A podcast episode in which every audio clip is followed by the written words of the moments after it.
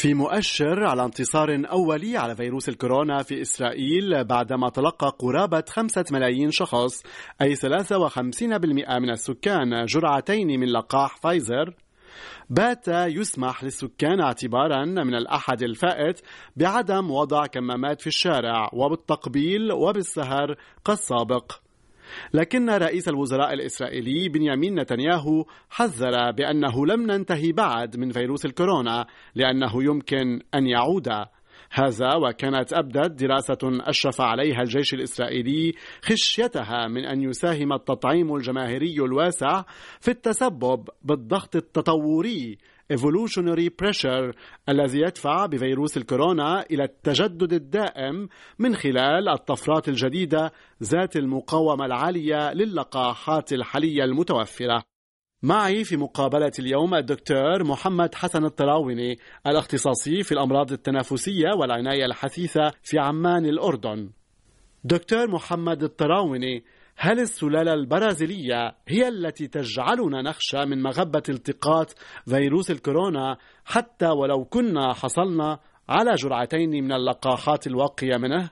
أثبتت الدراسات التي نشرتها شركة فايزر بايونتيك إلى أن لقاحها فعال ضد السلالة البريطانية وضد السلالة الأفريقية وقد أشارت إلى أن الفعالية وصلت إلى نسبة 80% ضد السلالة الأفريقية. ولا توجد بيانات ومعلومات كافية لمدى فعالية اللقاح ضد السلالة البرازيلية. فما نخشاه نحن أن الفعالية تقل أكثر وأكثر إذا ظهرت سلالات جديدة قد تكون مقاومة للقاحات فالوصول إلى المناعة المجتمعية يحتاج إلى أن يصل اللقاح إلى ما نسبة 70% من البشر حتى تعود الحياة إلى شبه الاعتيادية فهذا الأمر يحتاج إلى وقت دكتور محمد الطراوني كم تدوم بالزمن المناعة المكتسبة بعد حيازتنا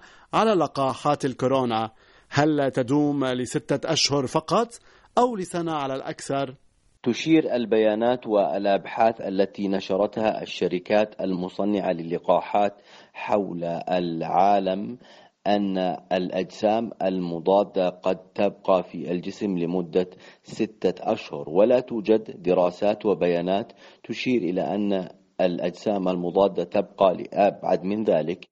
في الختام أشكر الدكتور محمد الطراوني لافتا إلى أنه ما لم نسرع في تطوير اللقاح العالمي الشامل Universal Vaccine لن نوقف نهائيا الجائحة.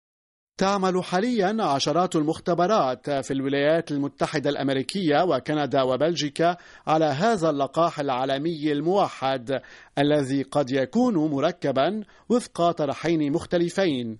إما أن يكون مصنوعا من جزء ثابت لا يتحور من أجزاء فيروس الكورونا إما أن يكون حاويا على معظم البروتينات التي يضمها الفيروس ويكون عددها العام 25 بروتينا.